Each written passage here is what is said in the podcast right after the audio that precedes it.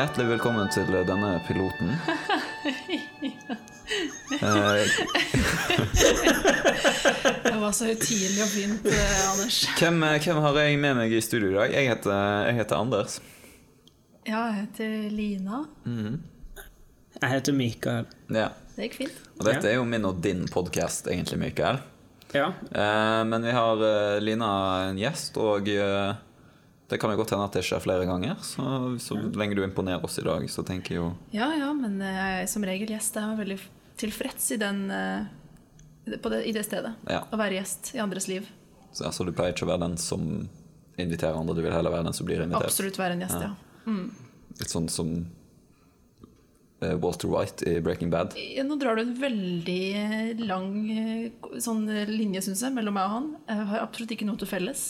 Men Men han, eh, han er jo den 'I'm the one who knocks'. I'm the one who knocks. Ja, det er et kjent sitat fra Breaking Bad. Ja, ja men jeg er absolutt en one who knocks. Og alltid sånn di, di, di, di, di. Men så tar jeg ikke de to siste.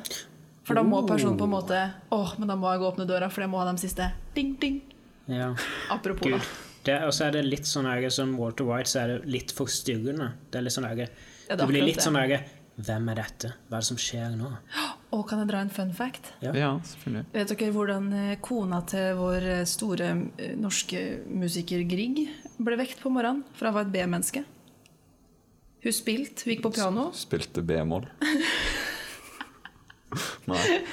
Eh, Nei, hun spilte C, D, E, F, G, A, H. Der stoppa hun. Og Grieg måtte jo ha C. Vet ikke om det var seg, men han måtte jo ha den siste. Så da måtte han reise seg fra senga og trykke, så han fikk den siste. Fordi H er så ledende, ikke sant? Jeg liker å tenke på meg sjøl litt som Walter White med tanke på at jeg syns bobiler er fascinerende. Ja, der Men har jeg du mye tenker, felles. Bobiler er jo så mangt, da. Du har jo sånne svære bobiler der du kan ha elbiler liksom inne i bagasjerommet som du kan dra på. Har ikke du sett det? Og så har du på bakenden der en vanligvis tenker at motoren er, så er det en garasje, så du åpner så du kan kjøre ut en bobil, så du kan kjøre på utflukter fra campingplassen. Det her eksisterer. Ja, dette eksisterer, men jeg tror ikke Det det, vil jeg er kalle sånn en metabobil. Wow. Nei, men det er jo ikke en bobil, den som er inni der. Det er bare en bil. Det er ofte en elbil, Ofte en elbil. et, etter min erfaring. så- Ikke alltid, men ofte. Ofte en elbil. Men du, Lina, Ja. eh, du, du er jo en kompetent ekspert på det meste som foregår her i verden. Ja. Og hvorfor, hvorfor er du så kompetent til å besvare spørsmål som mange andre har svart på før, men på en litt bedre måte? Ja, det vil jeg si er fordi jeg har Eller jeg begynner å jobbe med opparbeide meg mot en eh, god, godt og blandet type utdanning. Ja. eh, Som er litt fra begge verdener, da. Så jeg er litt i musikkvitenskapen og litt i russisken. Så jeg må bare få litt mer sånn forskjellig. Og så vil jeg kunne bli en eh, godt og blandet. Eh, og den kunnskapen kan anvendes på mange felt eh, i skjønn forening og i uforening. Men felt som Felt som eh, alt av felt er mulig. mulig. Mm. Og så impro, da. Selvfølgelig. Ja. En god del impro. Og tar du den på toppen, eh, da blir det jo alt. Ja. impro kan man jo være ekspert i alt. Ja. Da blir man et spontant menneske som spiller på mange strenger.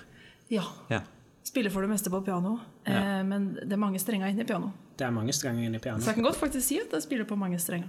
Er det én streng per tangent, eller er det Å, det her burde Ja, ja det tror jeg det. Og så er det sånn hammer som slår når du trykker ned. Ok, nei, men det, da vet vi litt mer om deg. Ja. Uh, og Mikael, uh, du trenger en introduksjon. Også. Hvorfor, Ja. hvorfor er du liksom kompetent og En gang så så jeg dronninga. Jøss. Eh, Var det på ekte, eller var det på TV, eller var det Det var på en eh, konsert med Philip Glass. Var hun der? Hun var der, i Grieghallen. Yes. Og da satt hun rett bak meg. For liksom Grieg blir en slags rød tråd her. Det blir en rød tråd. Jeg kan lage enda en rød tråd. Oh. Min morfar har samme tante som dronning Sonja. wow. Hva var det. Oi. Betyr det at eh, hvis store nok deler av kongefamilien dør, så blir du dronning? Man kan vel si det. Ja. Så det er egentlig bare et spørsmål om hvor mange som, som Som må gå, Ja. rett og slett. Men da har vi en plan. Tror- Ja. Og du da, Anders? Jeg? Uh, nei, jeg eh, tok en gang uh, bilde med Truls Svendsen uh, nede på Torgallmenningen. Ehm, det blir aldri et veldig pent bilde, men jeg følte at jeg har lært veldig mye siden den gang om hvordan en skal eh, opptre og, og imponere. Så jeg tenker at det er jo alfa og omega for å, for å kunne svare på ting som Litt sånn som i Star Trek, på grunn av å kunne svare på ting der ingen har svart på ting før, da. Den landa. Den Ja, den gjorde det, som, som et romskip. Eh, Enterprise, tror jeg det heter. USS, eller noe sånt. Lina, har du med et uh, spørsmål til oss i dag? Ja. Hva ville du gjort om du hadde kjøpt en firepakk Pepsi Max som smakte feil? I sånne anførselstegn. Feil. Feil. Feil. I anførselstegn. I anførselstegn. Så den smaker egentlig ikke feil. Eh, vel det, jeg, Når jeg leste litt mer på det, så var det vel det at eh, det føltes som om kullsyra ikke var der da Ja. når flaska ble åpna. Og jeg tenker det kan anvendes i generelt når man kjøper ting som smaker litt feil. i anførselstegn. Jeg tenker jo Det kommer jo an på om en har kjøpt det i butikk, eller om en f.eks. har bestilt det fra denne her godis.se, eller hva den heter. Ja. Ja. Men eh, det her var i butikk. Ok. Det her var i butikk. Og du har du kjøpt et brett? Jeg har en sånn firepakk. Fire Og hun sa også at hun hadde brukt 100 kroner. Men hun hadde ikke kvittering. Var det ikke kvittering? Ikke kvittering. Nei. Men det jeg tenker i en sånn situasjon, er at hvis jeg får noe som smaker feil, så tenker jeg alltid yes. For det betyr at jeg kan sende det inn Ja. til fabrikanten og få 100 000 mer tilbake. Shit. Av ting, ikke sant? Det er det som er vanlig. Akkurat, ja. Og jeg fikk et dårlig sjokolade i Freya. Jeg sender inn det. Jeg får en boks med Freya goodies, liksom. Det er jo det som er en vanlig prosedyre. Litt sånn som en eh, hacker som finner et sikkerhetshull hos Google og får seg jobb. Ja, Akkurat akkurat sånn. Ja. Det er, men det er vanskelig Men- i det her tilfellet, fordi hvem Altså Pepsi Max altså, Det er ikke bare bare å banke på deres dør, liksom. Jeg vet ikke hvor de er engang. De har jo han her eh, Jeg har ikke veldig forhold til ham, men jeg vet at Pepsi Man er en ganske big deal i USA. Men finnes det en norsk Pepsi-mann? Pepsi-mann. Eller Pepsi-kvinne. Eh, det er jo det som er det store spørsmålet. Hvordan identifiserer du Pepsi-mann? Men det kan jo egentlig Er Pepsi-mann en tydelig karakter, eller er det noen som er Pepsi-mann i skjul? Er det, er det en sånn type tittel som går i arv, som det kan alltid bare være én Pepsi-mann, og når den ene Pepsi-mannen enten dør eller blir beseira, så blir den som beseirer han, den, Den nye Pepsi-mannen? Ja. Men hvem er det som har beseiret noen liksom i nyere tid nå, da? I Norge, Ja. som har be beseira? Det var et godt spørsmål. Kan vi si at den nye stortingspresidenten beseiret Olemic Thommessen? Mener du å si at uh, stortingspresidentskapet er og, også implisitt da Pepsi-mannskapet? Ja.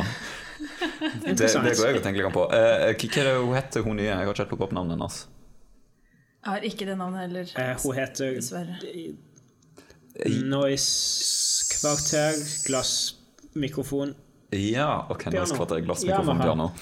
Um, Mm, Ja, det stemmer. det. Men jeg liker å tenke på Olemic Thommessen som Pepsi-man, så, så det er kanskje Olemic Thommessen Hun skal kontakte.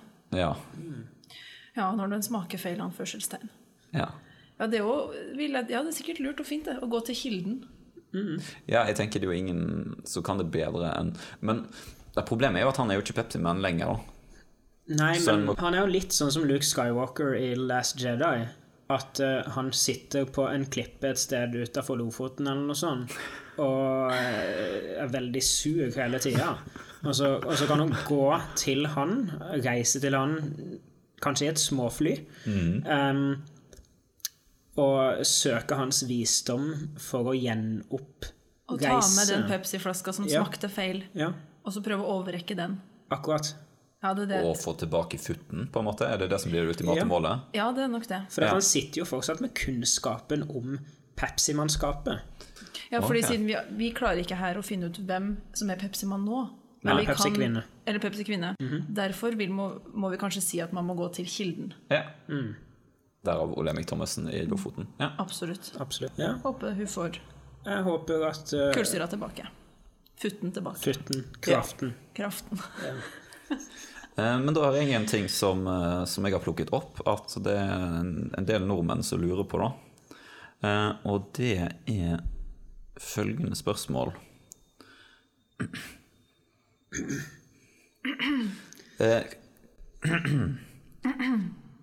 Hvor lenge er det ok å være i svømmehallen? Vet du hva? Jeg syns man skal være i svømmehallen så lenge som overhodet mulig. Og jeg syns ikke det fins grense for hvor lenge man skal være i svømmehallen. Nei. Så Altså, jeg tenker jo alle regler er jo som regel arbitrære. Det er jo ingen grunn til at, til at man ikke skal være i bassenget nattestid, tenker jeg. Nattesvømming er jo en populær aktivitet blant unge mennesker og den slags. Men hva hvis Altså Spørsmålet er hvem er det som skal håndheve, hvem er det som skal si at nå har du vært nok i svømmehallen? Hvem skal det være ok for? Det er jo svømmevaktene eller livvaktene eller Eller andre svømmere. Sånn Eller som, andre svømmere. som er sånn der, nå har du vært i det boblebadet der i fire timer, liksom. Det er på tide at du går hjem. Det kan jo være noen som tar den, sånn som en skibakke. Jeg stoppa skiheisen eh, en vinter, fire ganger på en dag. Mm. Og da fikk jeg beskjed av noen andre som var i skibakken, at nå, nå må du gå. Eh, Ok, ja Fordi det- du var til sjenanse? Jeg var til sjenanse. Ja. Men eh, man skal ikke føle Man skal ikke føle det. Derfor er jeg veldig pro at man skal få lov til å være i svømmehallen så lenge man vil. Men dem som bestemmer det, er faktisk kanskje de andre, da. Man føler på det. Men jeg tenker altså på en måte i Jo lenger noen har vært i svømmehallen, jo vanskeligere vil det bli å si til dem at de skal dra hjem. nå, For det er jo tydelig at de driver på med noe som vi ikke helt forstår. Ja. Eh, Så egentlig så er det jo absolutt lettest å si dette til noen som har vært i svømmehallen f.eks. et minutt. ja, det blir vanskeligere jo lenger det går. Mm. Man, blir jo, man opparbeider seg noen tanker om personen òg, kanskje hvis man vil ha noen ut av svømmehallen. Og man føler man kjenner dem bedre og bedre. Men vi vet jo ikke så veldig mye om bakgrunnen. Det kan jo hende at dette er en badevakt som har stilt dette spørsmålet. Ja, det er jo interessant, for at det tilsier jo at han aldri helt vet når han er av eller på klokka. Ja, og han på en måte kanskje han Kanskje han mentalt er i svømmehallen selv etter at han kommer hjem. Oi, dette ble mørkt. Klarer aldri å legge fra seg jobben. Og at på vei hjem så fra jobben så følger han med på alle han ser, og ser om det er ok med dem. Om de sliter med å holde seg flytende i vår moderne, travle hverdag der alt sammen går så fort. Det er kanskje bare en veldig sånn omsorgsfull badevakt vi har med å gjøre her. Altså Når han er på gata, tenker han hvor, hvor lenge det er ok å gå rundt på gata. Ikke sant? Hvor lenge det er ok å gå tur. Hvor lenge det er ok å være i matvarebutikken. Så han tenker mye på det, da, kanskje. Kanskje disse ulike rollene han spiller i hverdagen. Ja. Altså, hvor lenge er det greit å sitte med matbordet mitt? Hvor lenge er det greit å ligge i denne senga mi? ja. Når må jeg stå opp? Kan jeg noen gang stå opp? Altså, en seng er på en måte et svømmebasseng på mange måter. ja. Og altså er det, egentlig, er det egentlig en satt grense for hvor svømmebassenget slutter? Det er ikke sånn at du går inn i svømmehallen, og så står det en strek på gulvet. Her er svømmehallen. Så det er jo ikke noe som, ting som stopper deg fra å si at vi sitter i svømmehallen nå, på en måte. Jeg ser hva du sier, men jeg vil også si at det er et arkitektonisk argument her, der man kan si at eh, hvis du går ut døra i svømmehallen, så har du på mange måter gått ut av svømmehallen. Ja, den har jo på en måte fire vegger og et tak, som regel. Men ofte, i Trondheim i hvert fall svømmehallen, så ligger den ved vannet. Og der vil jeg kunne argumentere kanskje for at svømmehallen, den fortsetter. Svømmehallen er evig. Og hvis du tenker på det, så er det jo litt sånn eh, Fra havet så går vi opp i atmosfæren og opp i verdensrommet. Verdensrommet er sjøen som vi ikke har utforska. Men samtidig så kan jo på en måte hele jorden være en svømmehall med et tak og fire vegger. Der vi alle er livets badevakt og har Så- et ansvar for vår neste. Ja, så det han her spør om med, all den her omtanken eller hun, det er jo at hvis vi nå er enige om at svømmehallen den kan, den kan fortsette, den går videre utenfor dens fire vegger f.eks., så er spørsmålet hvor lenge kan vi gå rundt her? Ja. Hvor lenge er menneskeheten? Sant? Hvor lenge kan vi egentlig vare? sant? Når vi ikke tar vare på jorda, f.eks. eksempel Når vi På et mikroperspektiv så spør han hvor lenge er det greit for meg å leve dette livet jeg lever nå? Jeg er Ja. en svømmevakt. Jeg er en På mange måter er jeg som en ridder. En beskytter. En paladin. Um, men samtidig så ser han hele menneskeheten Under ett. under ett. Ja. Et, en evighet i et sandkorn, og han tenker Når slutter alt? Kommer alt noen gang til å slutte? Verdensrommet er et hav der vi alle svømmer rundt. Når slutter vi å svømme? Så svaret er egentlig at en må kjenne på sin egen styrke og kontakt med vannet, og avgjøre hvor langt er du villig til å svømme. Ja, det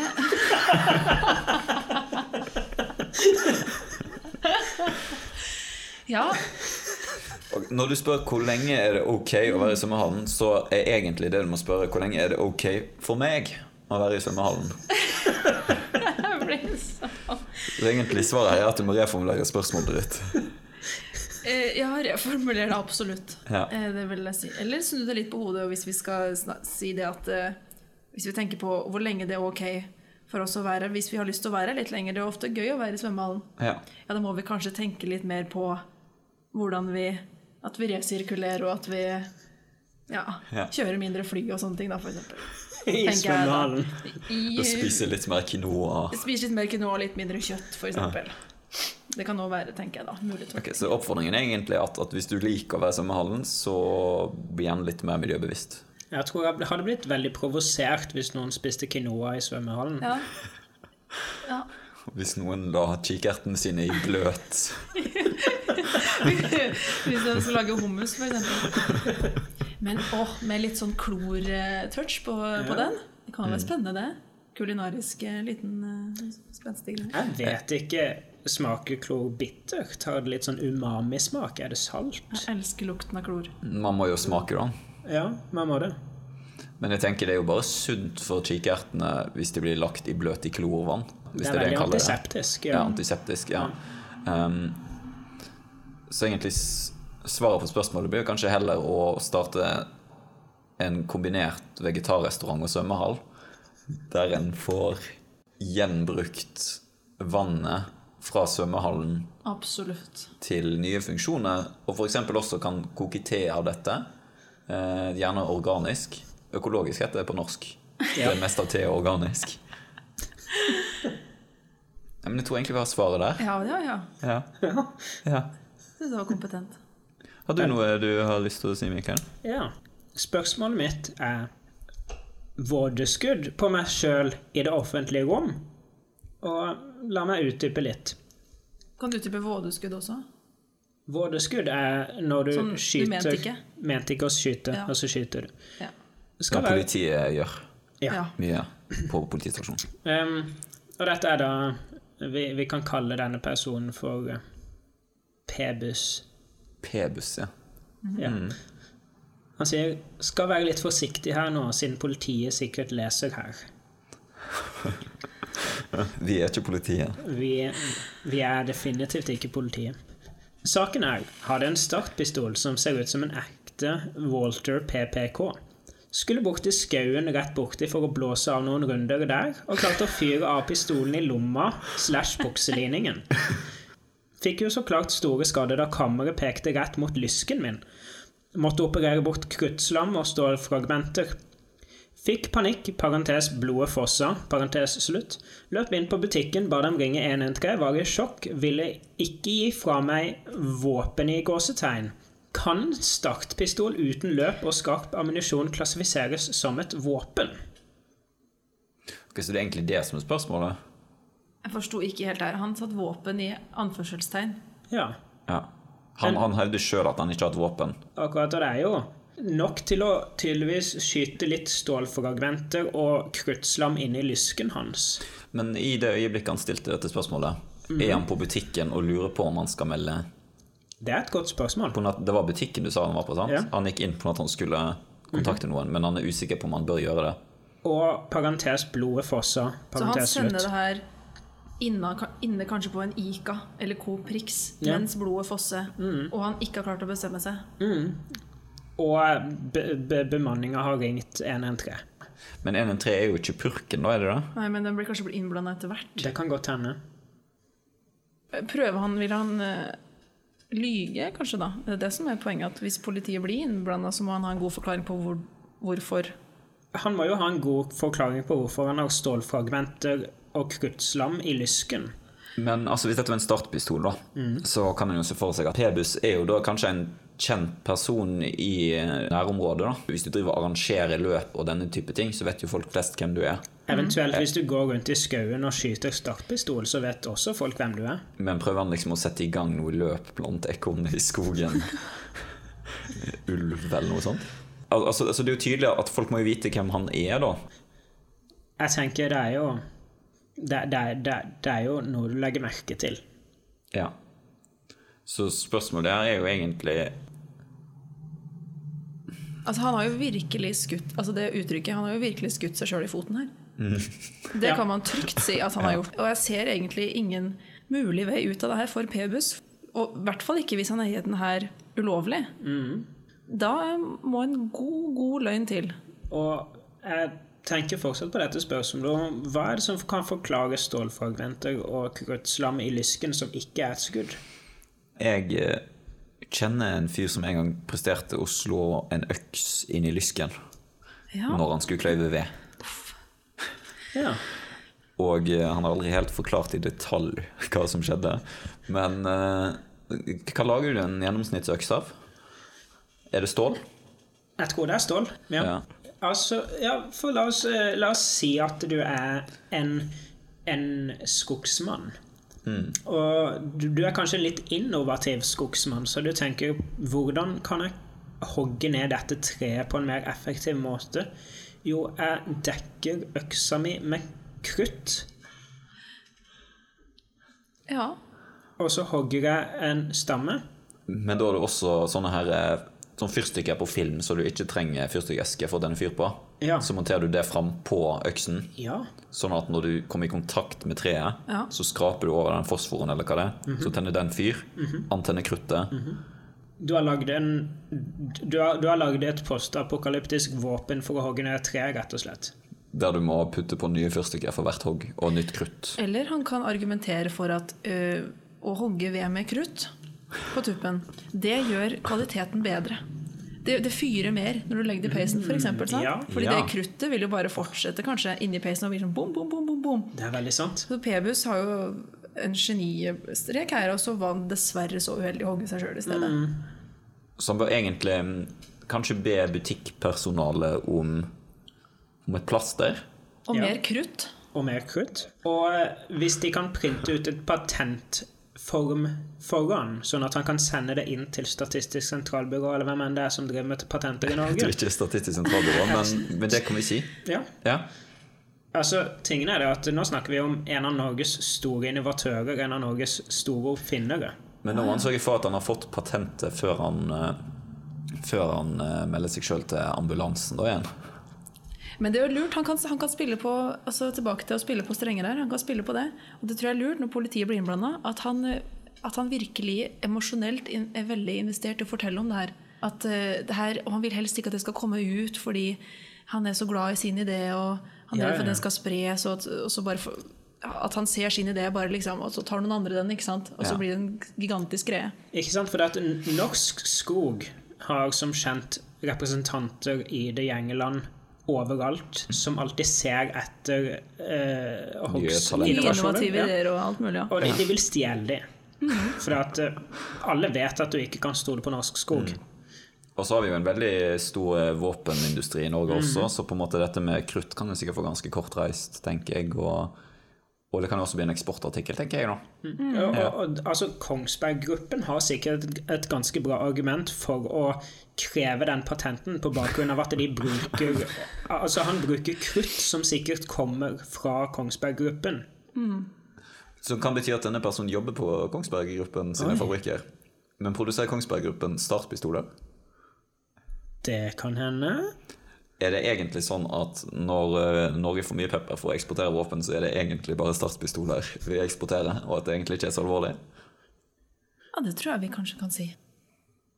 Men det er jo alvorlig for eh, på en måte monopolisering av eh, folk som starter løp. Så, så uten, uten Kongsberg Gruppen, og uten Norge, egentlig, så vil han ikke lenger kunne starte ting som eh, Boston City Marathon og den typen ting. Og da hadde folk bare stått der. Akkurat med startnummeret og eh, skjegget i postkassen. Og, og så hadde de spurt hvorfor starter ikke løpet, og de måtte sagt nei. Um, Vi har skutt oss sjøl i foten. Men tenk hvor kleint det er da, hvis du, hvis du bor i, i, i Nederland. Der har de jo av og til sånne her En leser av og til om det i avisen, sånne her naken sykkelløp og sånt. Ah, Spenstig. Og Det har de på Roskilde òg. Ja, akkurat. Og hvis det da sitter tusen nakne mennesker på hver sin sykkel og klarer til å sykle, og det er ingen som setter de i gang Da har du 1000 nakne mennesker som sitter på sykkel og ser veldig kleint på hverandre. Det er jo Eller bare få dem til å drive med impro, altså, for da får man en veldig sånn fin gruppementalitet. Og Ja. da kan man få til å begynne akkurat på samme tid hvis man lytter godt nok. Men det er jo vanskelig å få til med altså, 1000 mennesker, ikke sant? Ja. Må man jobbe lenge med det. Men ok, Så hvis han mannen her melder seg inn til politiet nå, eh, og havner i arresten, så vil jo ikke han lenger kunne jobbe hos Kongsberg Gruppen. Nei. Eh, og han har jo trolig en, en viktig posisjon i startpistolmiljøet siden, eh, siden han har tilgang på dette her, og har tilgang på krutt og sånn. Så uten han så vil jo startpistolproduksjonen falle i fisk. Så, så det er jo et argument han kan bruke overfor politiet, da. At å arrestere meg er en trussel mot norsk Idrett. Ja, men også internasjonal idrett. Ja. Og Norges posisjon som et rikt land. Ja. Ja, det statsbudsjettet vil Ja. jo forandres drastisk. Så det er jo egentlig helt ok for han å ringe politiet så lenge han bare har den argumentasjonen i orden. Ja, så vi vet alle det at det som vi kommer til å leve av etter olja, er startpistoler. Jeg tror vi, jeg tror vi kutter den der. Eh,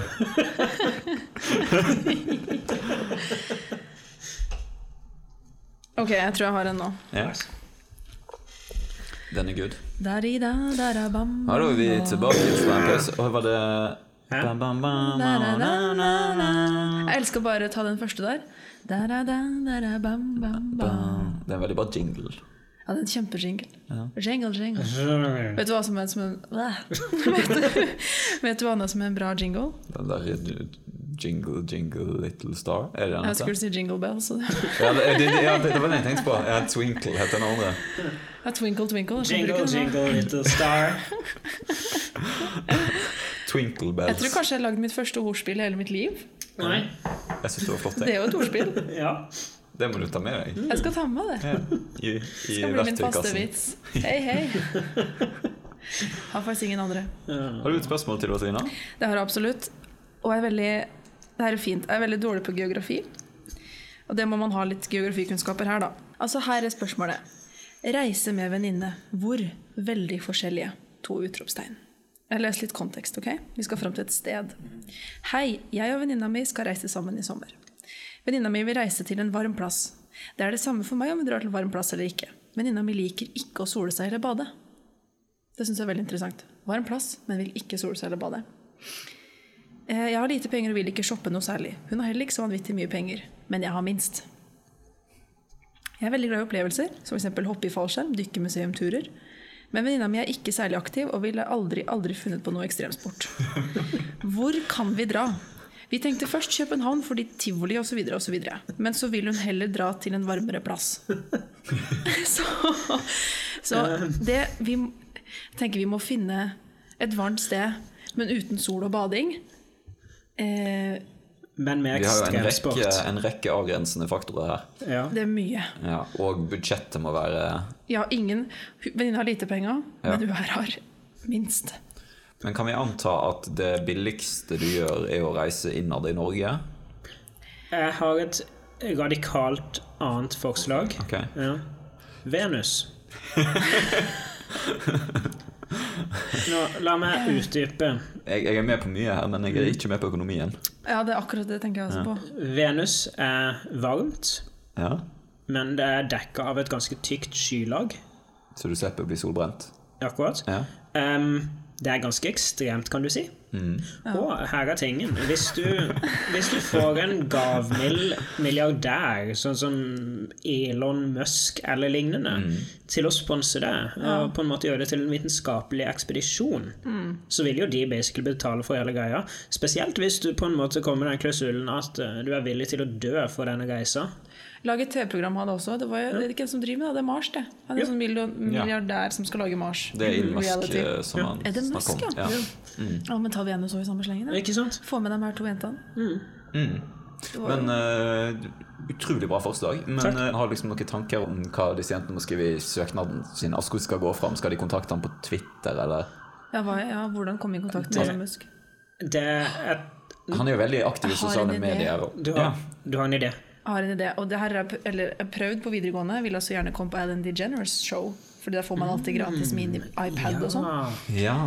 Hvordan komme på sånne typer show? Jo, da må du gjerne lage en sang om personen. Hvor mye du digger personen. ikke sant? Ja. Og så må du få det ut på eh, i det virale Hva heter det for noe? Heter det det? Virale? ja viraliteten. Viral. I I viraliteten. viraliteten må den ut. Ja. Og, og da vil den plukke opp det, sant? og den blir jo veldig sånn smigra over det her. Nei, men Så hyggelig. Ja. Og da blir du invitert. Jeg ble ikke invitert, men jeg har stor tro på at de her jentene, hvis de bare lager en sang Til Ellen DeGeneres.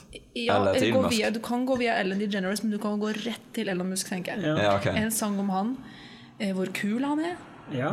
eh, og hvor eventyrlysten de er, og hvordan eh, de gjerne vil ha spons. ja. Og de kan kanskje på en måte presisere det at de er ganske forskjellige. Og det er litt spennende, f.eks. i et TV-program. så Du vil ikke ha to personer som er helt like. Du vil Nei. ha litt motsetninger. Så du kan si hun liker ikke ekstremsport, men det gjør jeg. Ja. Men hvis vi tenker litt videre.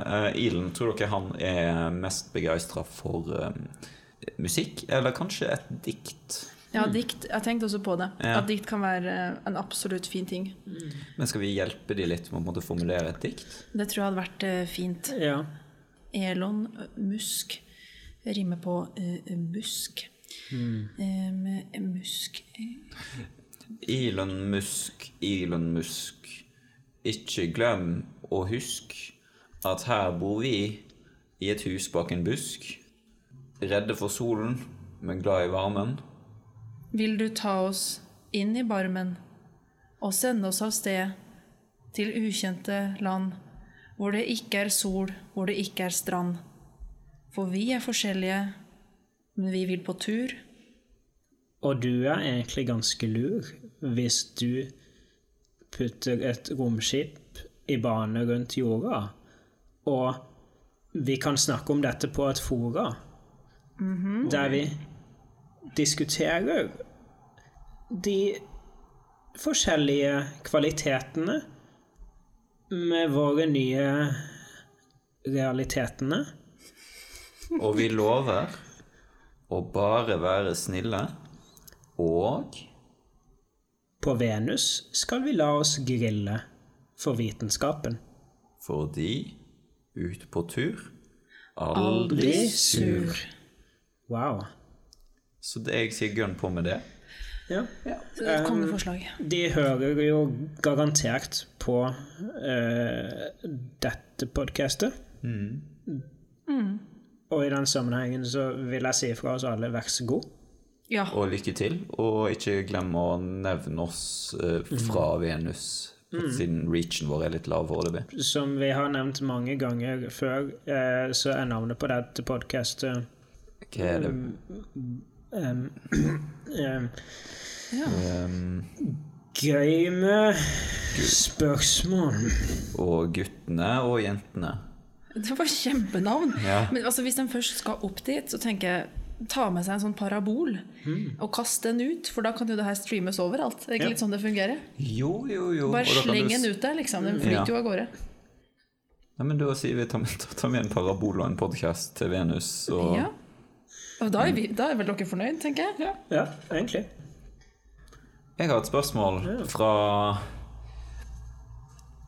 P Pablo. Ja. Hei, Pablo. Hei, Pablo. Hei. Snekker i passende lengde på sokkelesten. Ja, hva er egentlig den mest passende lengden for snekker å være? Er det praktiskere å være lang, medium eller kort for å utføre de snekriske oppgaver på en mest mulig tilfredsstillsk måte? Det er så bra adjektiv her, altså. Takk for svar. Det han spør om, er om det er lurt å være kort, middels eller lang snekker for å utføre snekkeriske oppgaver. Ja, men det er også noe med snekker i passende lengde på sokkelesten. Det er sokkelesten også her. Jeg tror ikke du kan ha på deg platåsko eller den typen ting. Jeg tenker som så at Hvis jeg hadde vært en snekker, så hadde jeg vært veldig varsom for å gå på sokkelesten med tanke på løse spikere og sånn. Ja. Men er det sånn Har det noe sammenheng med høyde? Vel, hvis du er høy, så er det jo gjennomsnittlig også noe tyngre. Og hvis du er tyngre, så vil det også gjøre mer skade når du tråkker på en spiker. Nei, Det er veldig godt poeng. Så den vil kanskje være lav. Jeg tenker også som, som møbelsnekker. da Hvis du f.eks. snekrer bord, så det er veldig greit å kunne stå oppreist under bordet. Absolutt. Ja, Bare for å ha det på klare, Han spør om sokkelesten. Lengde på sokkelest. Ja, nei, Det er litt sånn vanskelig å forstå her, men tittelen på innlegget er 'Snekker i passende lengde på sokkelesten'. Ja. Eh, men i spørsmålet så spør han egentlig bare mest den mest passende lengden for snekker å være.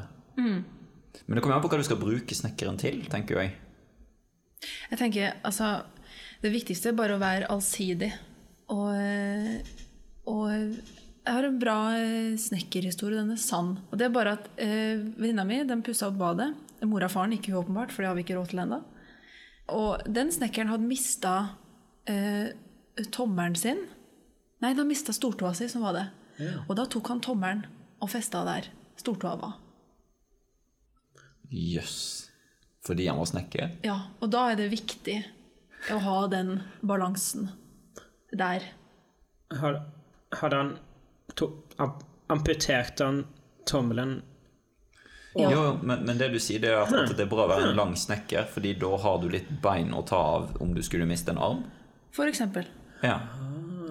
Men er ikke det jo det, kanskje det ideelle, og hvis du skal ha en fleksibel snekker, da, at typ som At du har en sånn teleskopsnekker som med en sånn skistav så du kan skru sidelengs, og så drar den ut. Og at du har en snekker som du kan regulere høyden på. Er vi, Det er bra. er vi Jeg må bare spørre Er vi alle klar over at en snekker er et levende menneske? Ja, det kan jo være greit å etablere Ja. Ja, det å vet ikke hva jeg føler om det her, men teknologien utvikler seg jo. Det blir jo mer roboter etter hvert også, tenker jeg sikkert. Ja, og cyborgs og den type ting. Ja. Så det vil jo bli konkurranser etter hvert med robotsnekkere som sikkert kan reguleres i høyde. Du vil jo ikke trenge lifts snart. Altså Fordi at snakker er en lift. Ja. Han kommer gående bort på gaten, og så sier han Alexa, fire meter opp. Og så svarer Alexa No problem. Du kan kjøpe sopp over gaten på Kinsarvik frukthandel. Og så sier snekkeren igjen Alexa, fire meter opp. Og så sier Alexa Fire meter er 13 fot. Jeg tror ikke det er 13 fot, men mm. Jeg tror det er tolv fot. ja. Ja, så du Ja, nesten. ganske, ganske close. ja. Jeg tenker jo egentlig ikke det er et så veldig relevant spørsmål. Hva er den optimale er- lengden for, for en snekker? Fordi den, den der, der skjer det jo ting. Det er jo i utvikling nå. og Men sokkelesten kan jo være en metafor, han skriver. Som Ja, det er det jeg prøver å tenke Um, At denne sokkelesten er en metafor for ja, tråkke over dørkarmen eller eh, Nei, det var noe litt annet greie. Tenk bare på dørkarm og list og diverse. Ikke komponisten? Nei, Nei. ikke komponisten. Eh, nei, det var kanskje, nei, det var kanskje litt far out det der. Jeg bare prøver å tenke om han kanskje kunne ha ment noe annet med den perfekte lengde på sokkelesten. Jeg, jeg, altså, jeg lurer på Burde, burde en snekker gå med lange sokker eller ankelsokker? Da I- Ingen. Mm? Ingen sokker. Fordi han var herde fotsåren i tilfelle han trakk på spikere. Så kanskje da, ja, det fins ikke noe feil eller galt med den sokkelesten, for den skal, bør ikke være der i utgangspunktet.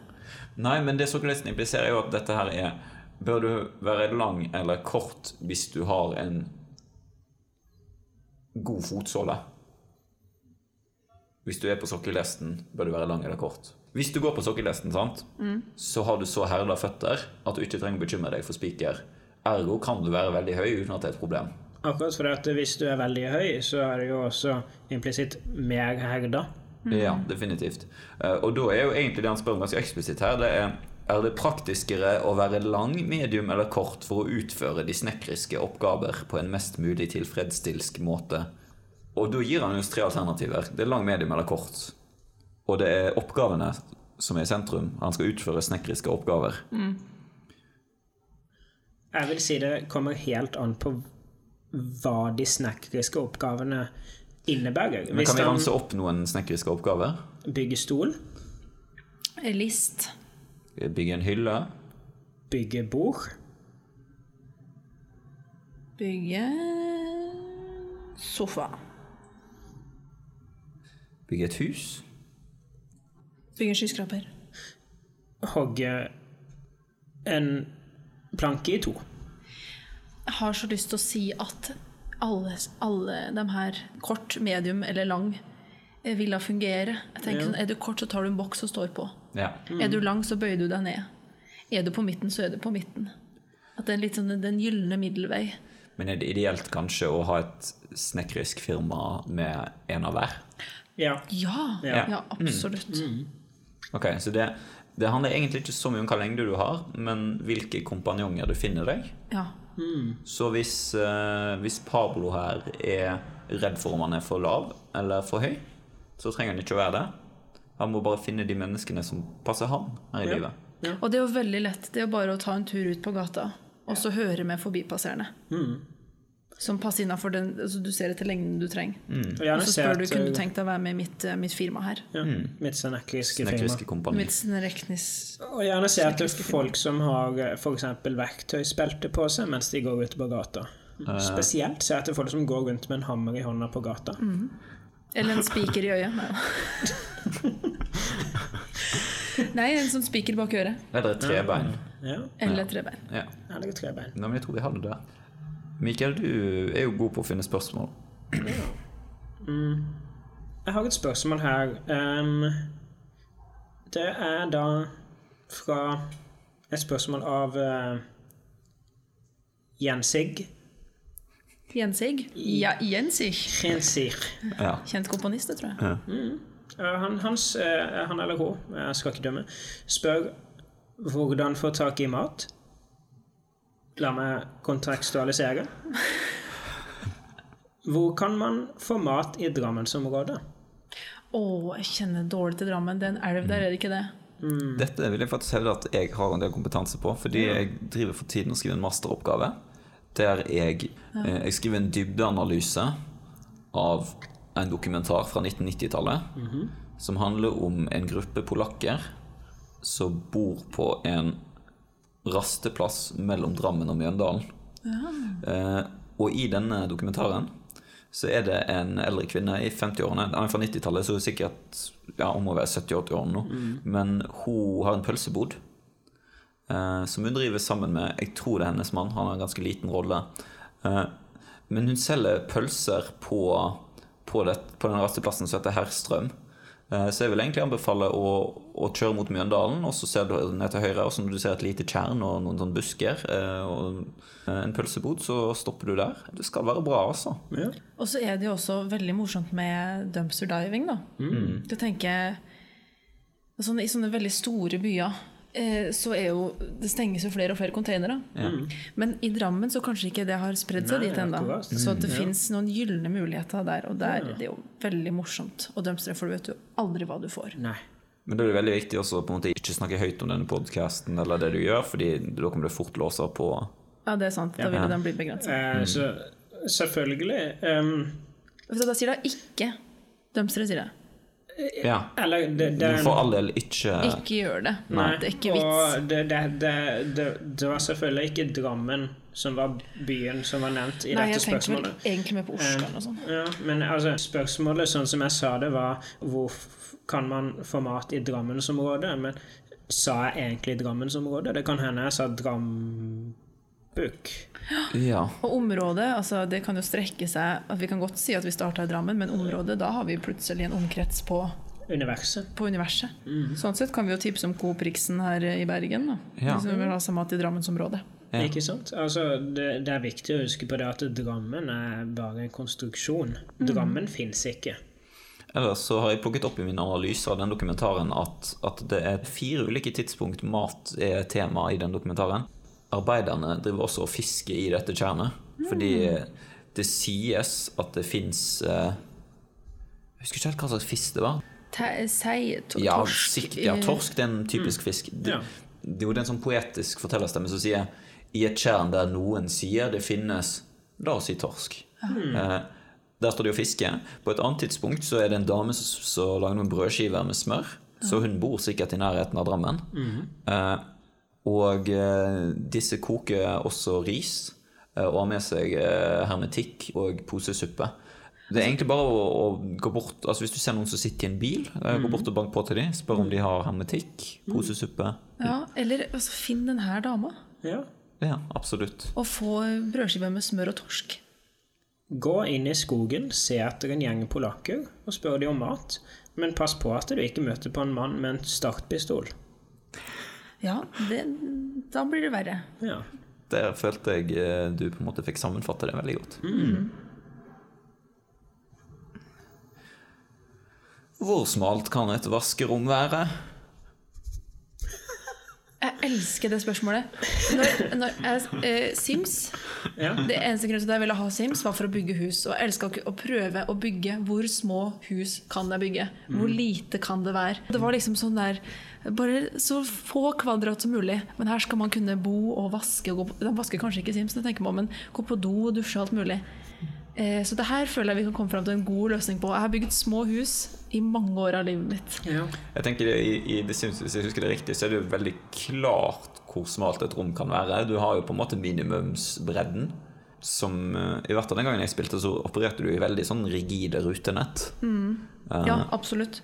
Men utfordringen blir jo kanskje at det fins jo ikke vaskerom i The Sims, da. Det gjør det ikke. Men det jeg oppdaga som gjorde at jeg kunne bygge så små hus som mulig, var å ikke ha rom.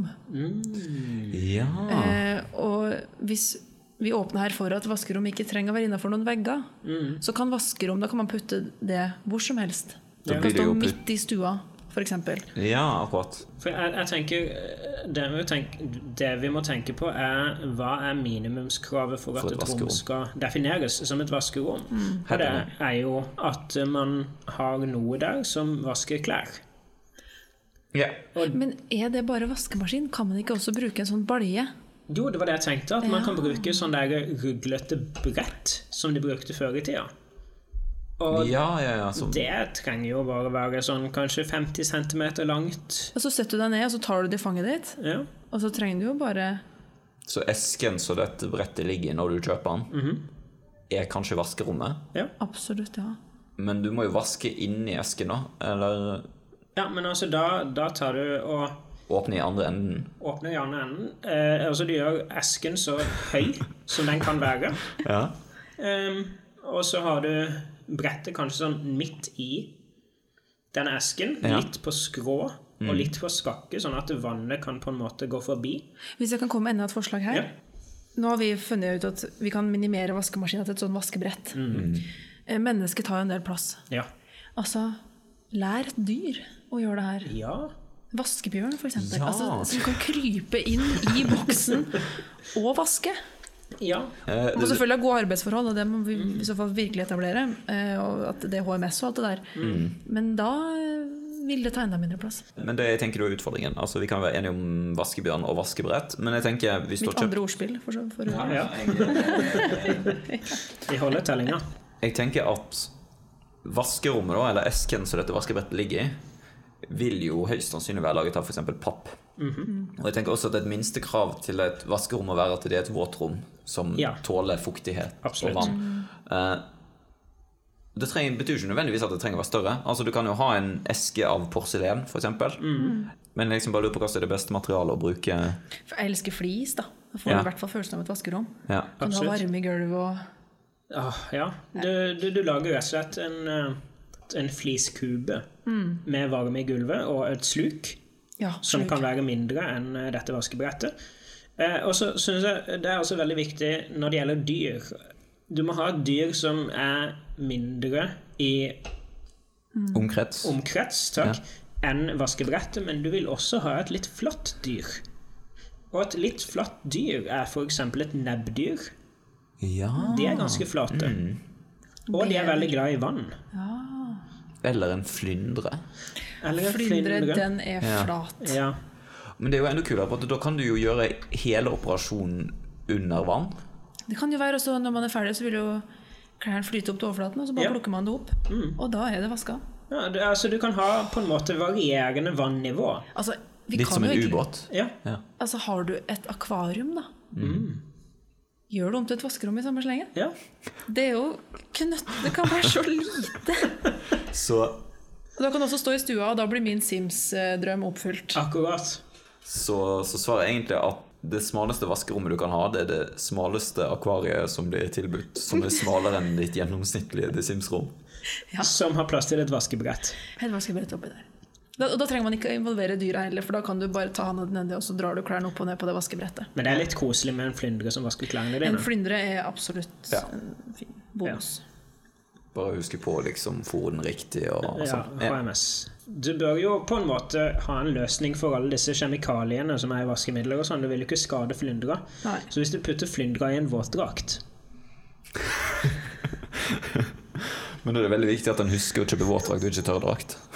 Ja, det er et godt poeng. Ja. Ja, men det flyndre, våtdrakt, akvarium Der har du svaret. Fantastisk. Vi er gode på dette. ja Dette bør du gjøre mer av. Ja. Ja, Har du noe mer på laget, Mikael? jeg har mer på laget. Så dette er et spørsmål fra Hegel Hegel. Hegel. Ja. Ja. Um, Hegel spør kan en robot være ond. Og, og så spør han hva er egentlig ondskap, og kan AI være ond? Dette er filosofen Hegel som spør om hva det er som er ondskap i et og, norsk online-forum. Ja, og om en robot kan være ond.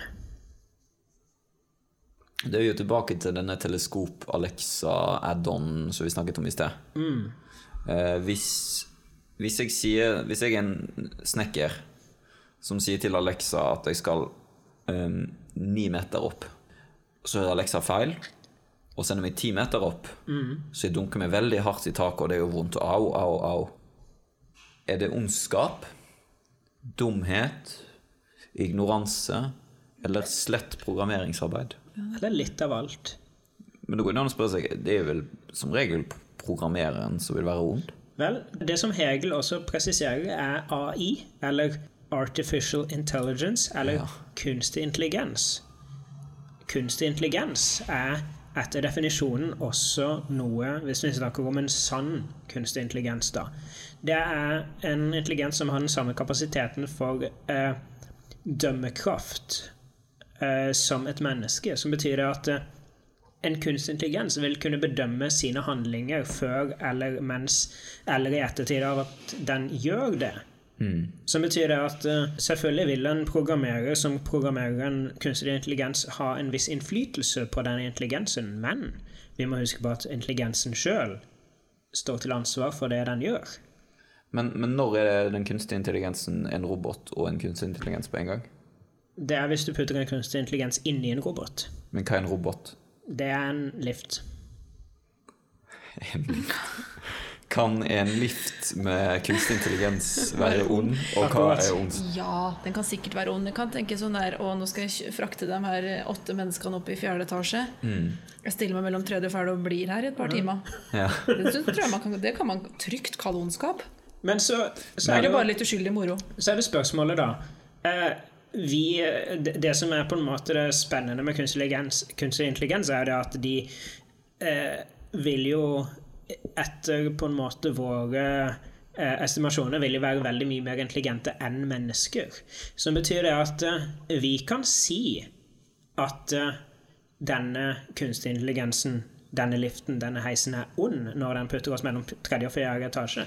Men kanskje den har et motiv som er forbi vår fatteevne. Kanskje den har en grunn til at den putter oss mellom tredje og fjerde Ja, etasje. for her skal de åtte menneskene stå og snakke sammen, for kanskje de har dem noe uoppgjort, og da får de ordna det, og så Ja. frakter man videre når man får gjort opp i det, f.eks. Så den kunstige intelligensen kanskje har en større forståelse enn oss. Og ondskap er vel ikke sånn veldig produktivt. Nei. Da er det kanskje det en ting, hvis man blir smartere, man kanskje kvitter seg med. Ja. Ja, fordi jeg tenker at, at en definisjon av ondskap er jo kanskje det et veldig godt utgangspunkt her. Hva er ondskap? Ondskap baserer seg gjerne på moralske spørsmål med rot i religion.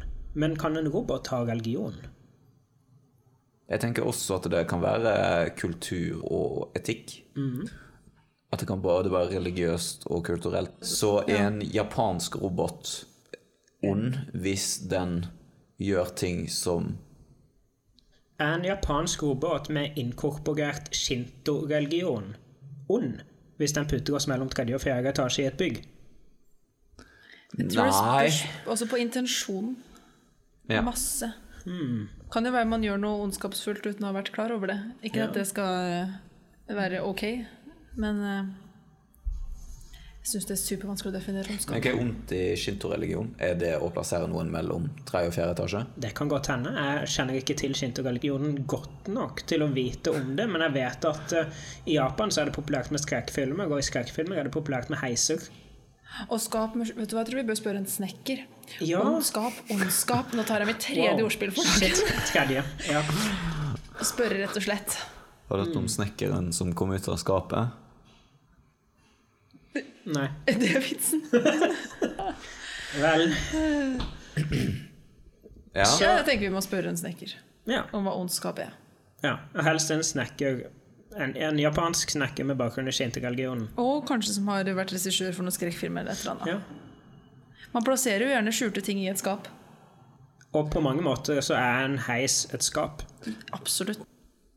Så spør, spør snekkeren din. Ja. Kanskje dette er noe for deg? Absolutt. Kanskje en ond heis er noe for deg. Har vi stilt tre spørsmål hver nå? Ja, det har vi. Yes. Hva har vi lært i dag, egentlig? Ja, vi er jo egentlig utlært, tenker jeg. Ja, at man kan finne svar på de mer uante steder. Ja. Og at det fins ingen ideallengde for en snekker. Det gjør det ikke. Jeg tror vi har lært at uh, universet er et svømmebasseng. Og at vi er alle i svømmehallen så lenge vi orker å svømme. Vi vet at det fins en person som sitter med kraften til å gi kullsyre i det som er feil anførselstegn. Vi vet at På de mer uante steder. Ja. Og at det fins ingen ideallengde for en snekker. Det gjør det ikke. Jeg tror vi har lært at uh, universet er et svømmebasseng. Og at vi er alle i svømmehallen så lenge vi orker å svømme. Vi vet at det fins en person som sitter med kraften til å gi kullsyre i det som er feil anførselstegn.